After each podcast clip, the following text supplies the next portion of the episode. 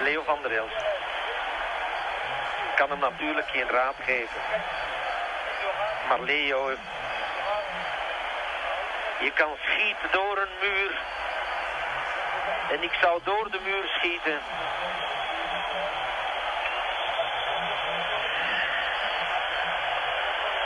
Ik moet wel blijven zien, ik moet het zeggen hoe het was.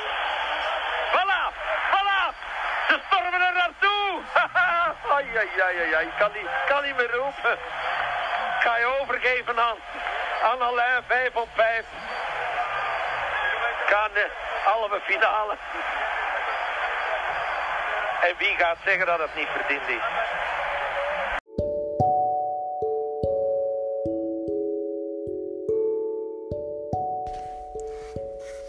...1986. Leo van der Els knalt België naar de halve finales van de wereldbekervoetbal in Mexico. Mijn naam is Lux Schoemakers en in dat jaar ben ik gestart bij Argenta. Welkom op de podcast over de geschiedenis van Argenta. Samen met Joris Stevens gaan we deze overlopen.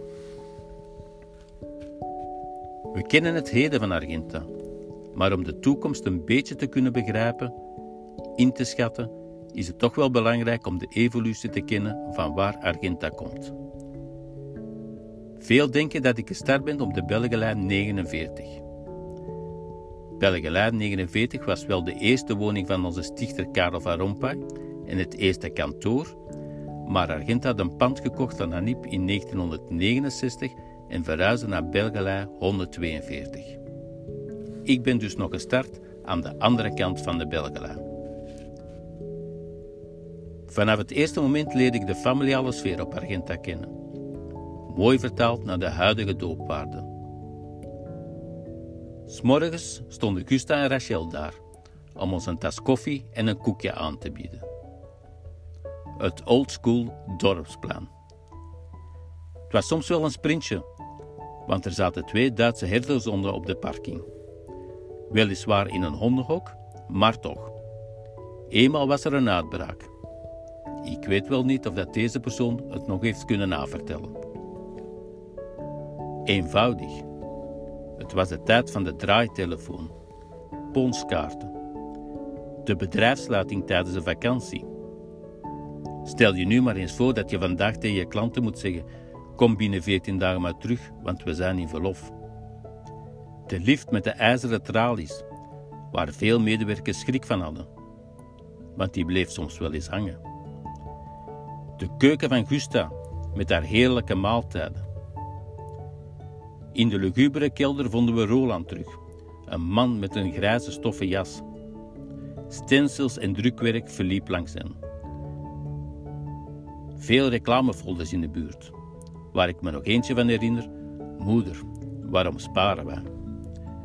Er was ook een tussenverdieping in de kelder. Distributie was daar gehuisvest. En deze droeg de naam Hondenhok. Lag het aan de medewerkers of de locatie? Dat ga ik nu wel even in het midden laten. Er moet ook in der tijd wel een soort coronacrisis geweest zijn, want sommige bureaus waren met volledig glas afgebakend en dat noemde men het aquarium. De 130, het cafeetje op de hoek, uitgebaard door Monique en Erik. Dat was een ontmoetingsplaats op vrijdagavond na het werk. En er was geen onderscheid. Onze oprichter en de DC-leden waren daar aanwezig en aanspreekbaar voor iedereen. Lief en leed werden er gedeeld en elke gelegenheid was goed om te vieren. Verjaardag, geboorte, huwelijk. Ja, we hebben zelfs een echtscheiding daar eens een keertje gevierd. In dit kroegje kwamen de doopwaarden. Hier werden carrières gemaakt en gekraakt. Vrijdagavond was het belangrijkste werkmoment.